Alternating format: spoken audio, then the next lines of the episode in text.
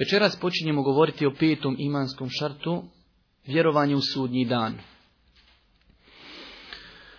Ako pogledamo, braću moja draga, u kuransko-hadijske tekstove, vidjet ćemo da izuzetno mnogo pažnje posvećuju ovoj tematici. Naročito Kur'an, iako i sve ostale zbirke hadisa, prepune su hadisa koji potvrđuju ovu tematiku.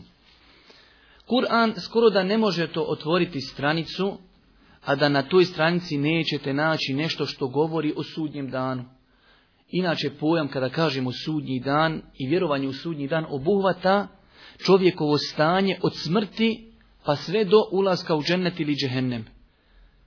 I zato na svakoj stranici skoro ćete naći da se govori ili o proživljenju, ili o boravku u kaburu, ili o vaganju dijela, ili o polaganju računa, ili o dolasku ljudi na mjesto gdje će se polagati račun ili o siraču pri, ili o džennetu, ili o džehennemu, što su sve stvari koje se vezuju za sudnji dan. Na osnovu te činjenice, braćo moja draga, i na osnovu činjenici da je mnogo ljudi koji se deklarišu kao muslimani, ali u pogledu ove tematike ili je njihovo vjerovanje neispravno ili je nepotpuno, mi ćemo ako Bog da ovoj tematici pristupiti malo, hajde da kažemo, ozbiljnije, odnosno pokušat ćemo ovu tematiku malo više pojasniti, jer svi smo mi, makar jednom u životu, čuli onu poznatu izjavu u našem narodu, izjavu koja nosi sa sobom negiranje hiljade i stotine ajeta ili hadisa Allahu poslanika ali salatu a to je kada ljudi u neznanju, u džehlu, u neispravnom vjerovanju u sudnji dan kažu, a ko je se od tamo vratio? To je jedan velik razlog, braću moja draga, da ovu tematiku dobro istudiramo i da ako Bog da po tom pitanju nakon toga ne nikakve nejasnoći. Također od faktora zbog koji treba ovu tematiku malo više forsirati jeste i to što mi živimo u vremenu kada ljudi forsiraju materiju. Sve ono što je opipljivo. I ljudi samo u to vjeruju. Ljudi samo vjeruju u nešto što je opipljivo. Materija.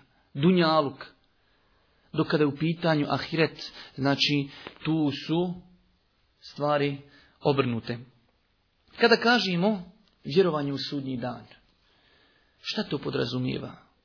To, braću moja draga, kao što smo spomenuli malo prije, podrazumijeva sve ono što će se desiti od čovjekove smrti, počevši od kaburskog života, uživanja ili patnje u kaburu.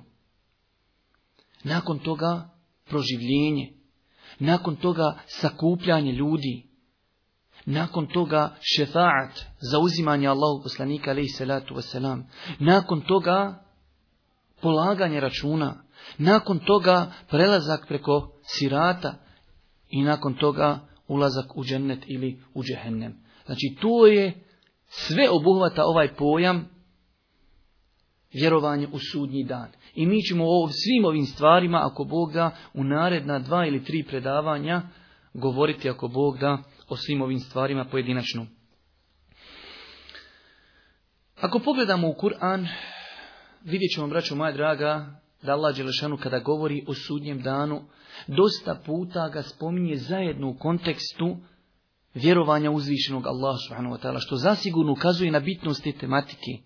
Sjećate se dosta puta kada slušamo predavanje o dobročinstvu roditeljima. Pa tamo uvijek učenjaci kažu Allah Đelešanu odmah nakon svog prava spomenuje pravo roditelja. E tako i ovo, vjerovanje u sudnji dan, uzvišeni Allah na više mjesta u Kur'anu spominje vjerovanje u sudni dan odmah nakon vjerovanja u Allaha Đelešanu. Ili povezuje ta dva faktora i te dvije činjenice. Pa na primjer jedan poznati kuranski ajet kojeg dosta puta citiramo i sa njim mnoge stvari dokazujemo kuranski ajet u suri Al-Baqara gdje kaže uzvišeni Allah: "Lejsel birra en tuwallu wujuhakum qibala al-mashriqi wal-maghrib, walakin al-birra men amene billahi wal jaumil akhir." Nije kaže samo čestitost u tome da vi okrenite svoje lice istok ili zapad. Kao da namaz obavite, vanština, forma, ne. Već je bitnost, već je iman. Olakin el bir, dobročinstvo, da kaže vjerujete u Allaha i sudnji dan. I onda nakon toga uzvišeni Allah subhanahu wa ta'ala nabraja još mnoga svojstva koja bi trebala da se nađu pri mu'minu, vjerniku. Ali prva dva svojstva, da vjerujete u Allaha i šta? Da vjerujete u sudnji dan. Mnogo je tih ajeta koje sam ja ovdje pripremio da ih spomenimo kao dokaz toga, ali onaj zadovoljit ćemo se sa ovim jednim kuranskim ajetom u kojem smo vidjeli da Allah Đelešanu odma nakon vjerovanja spominje vjerovanje u sudnji dan, što sigurno poznavajući stil arapskog jezika ukazuje na bitnost te tematike. Druga stvar, ako pogledamo hadise Allahu poslanika ali salatu wasalam, i tu ćemo se malo više zadržati, vidjet ćemo izuzetno mnogo hadisa da Allahu poslanika ali salatu wasalam kaže osoba koja vjeruje u Allah i sudnji dan treba tako i tako ili ne treba tako i tako. Što zasigurno opet ukazuje na, na bitnost te činjenice. Jer dok se spominje ta činjenica zajedno sa vjerovanjem u Allaha, to zasigurno ukazuje na njenu bitnost. Pa primjera radi. Allahu poslanik alejhi salatu vesselam, znači svi hadisi koji ćemo sada citirati su vjerodostojni. Da ne spominjemo ko prenosi, ko bilježi, svi hadisi su vjerodostojni.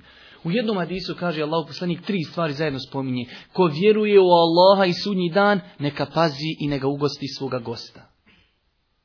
Ko vjeruje Allah i sudnji dan, neka ne čini zlo i ne uznemirava svoga komšiju. Ko vjeruje u Allaha i sudnji dan, neka govori dobro ili neka šuti. Pogledajte kako to čovjeka postići da se, znači pokori onim što se od njega traži. Ko vjeruje u Allaha i sudnji dan, što znači ako kršiš, upitno je koliko i kako ti vjeruješ. I to čovjeka jednostavno morališi da to implementira u svom svakodnevnom životu.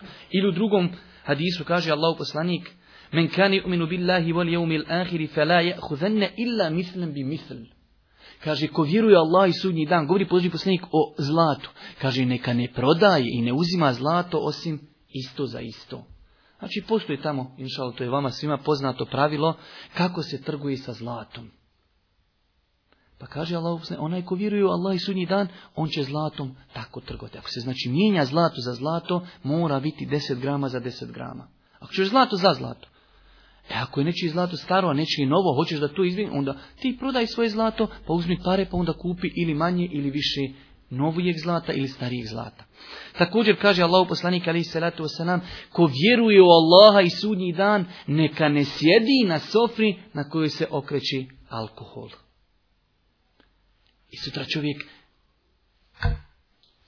dođe iz nas sjedi alkohol pa mu padne hadis. A, ako vjeruješ u Allaha i sudnji dan. Sve je to metoda kako podstakijet insana podstrijek da to implementira, da se pokori tome iz s druge strane da ostavi nešto što je zabranjeno. Kaže u drugom hadisu Allahu poslanik, ko vjeruje Allah i sudnji dan, neka svojom vodom, znači ovo ću ja bukvalno prevesti hadis da vidimo šta ćemo mi iz njega shvatiti, neka svojom vodom ne zas, zalijeva tuđe usjeve. Što znači taj hadis? Neka svojom vodom ne zaljeva tuđe usjeve. Znači, ne smiješ uzeti svoje vode i odnijeti zalit komšnim vrtu. Smiješ, ali to je bukvalno shvatanje hadisa. Nemojte svojom spermom. Znači, u ovom hadisu ma se odnosi se na spermu. Nemojte općiti sa ženama koje su znači trudne, ali koje su robinje. Znači tu je jedan propis, nakon ga kaže Boži poslanik, ko vjeruje Allah subhanahu wa ta'ala i sudnji dan, neka svojom tom vodom, znači spirom, ne zaljeva tuđi u sebe. ta žena je već trudna, to je robinja, mora se znači čekati dok ona rodi. Također kaže Allahu poslanik alejhi salatu vesselam drugi hadis znači odnosno drugi propis u istom hadisu kada se robinje znači to u vrijeme kada ima robinja kada se zarobi robinja treba čekati robinja da dobije mjesečnicu. A ne sa njom odmah spolno općiti kako bi se znalo ako je zatrudila da se zna čije to dijete. Znači čeka se prvo da dobije mjesečnicu, nakon toga znači onaj dozvoljno je onome čija je robinja da ima sa njom spolni odnos. Također kaže Allah poslanik, nemojte, znači onaj ko vjeruje Allah i sudnji dan, neka ne prodaje nešto iz ratnog plijena, prije nego se ratni plijen podijeli. Ne može se prodavati osim nakon što se ratni plijen podijeli. Ali opet, onaj ko vjeruje Allah i sudnji dan. Također, kaže Allahu poslanik obraćujući se muškarcima, onaj ko vjeruje Allah i sudnji dan, neka ne nosi svilu i neka ne nosi zlato. Opet, pogledajte te metodi, kako čovjeka nagovoriti da to sprovede u svakodnevnom životu. Koliko je muslimana danas, pa čak i u džamiji, u prvom safu, kad stavi ruku na etahijato, a prstin zlatni na ruci. Kaže Allah poslanik, ko vjeruje Allah subhanahu wa ta'ala i sudnji dan, neka čuva i pazi rodbinske veze. Pogledajte, koji početak. Ako vjeruješ u Allaha i vjeruješ u sudnji dan, onda pazi rodbinske veze. Kaže Allah poslanik također, onaj ko vjeruje u Allaha i sudnji dan, neka se ne osamljuje sa ženom strankinjom, ne strankinjom engleskinja i francuskinja, strankinja koju može ženiti, a da nije prisutan njen mahrem. Ako vjeruješ u Allah i sudnji dan, nemoj to činiti. Kaže Allah poslanik ali salatu wasalam, onaj ko vjeruje u Allah i sudnji dan, neka ne pije alkohol. Imali smo hadis, neka ne sjedi za sofrom gdje se pije, a sada drugi hadis, neka ne pije alkohol.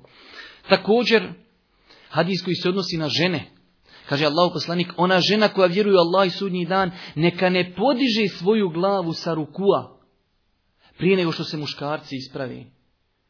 Kaže su nasav hadisa, prezirao je Allah poslanik da žene vide stidna mjesta muškaraca. Jer muškarci u to doba, sahabi, nisu imali odjeći. Čovjek kada ode na ruku, može se des da se otkrije nešto stidnog mjesta. Neko danas, znači danas postoji hlače, postoji odjeća. Pa kaže, nemojte ustajati sa ruku, i dizati glavu. Ako vjerujete u Allah i sudnji dan, sve dok muškarci se prvo ne ispravi.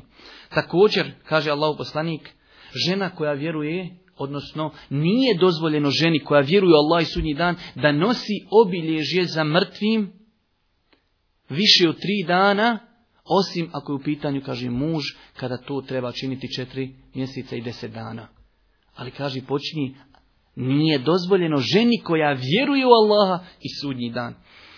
I zadnje dvije stvari, kaže Allah poslanik, ko vjeruje u Allaha i sudnji dan, on ne mrzi ensarije. Ili ne mrzi ensarije onaj ko vjeruje u Allaha i sudnji dan.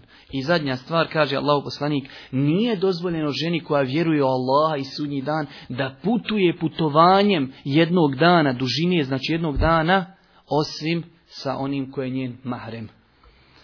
Ali kažemo, vraćamo se na sve to bitnost vjerovanja u sudnji dan, da je Allah poslanik prije nek što bi izrekao neki propis, pripremao ljude na taj način. Ako vjeruješ u Allaha, vjeruješ u sudnji dan, onda čini tako. Ili nemoj činiti tako.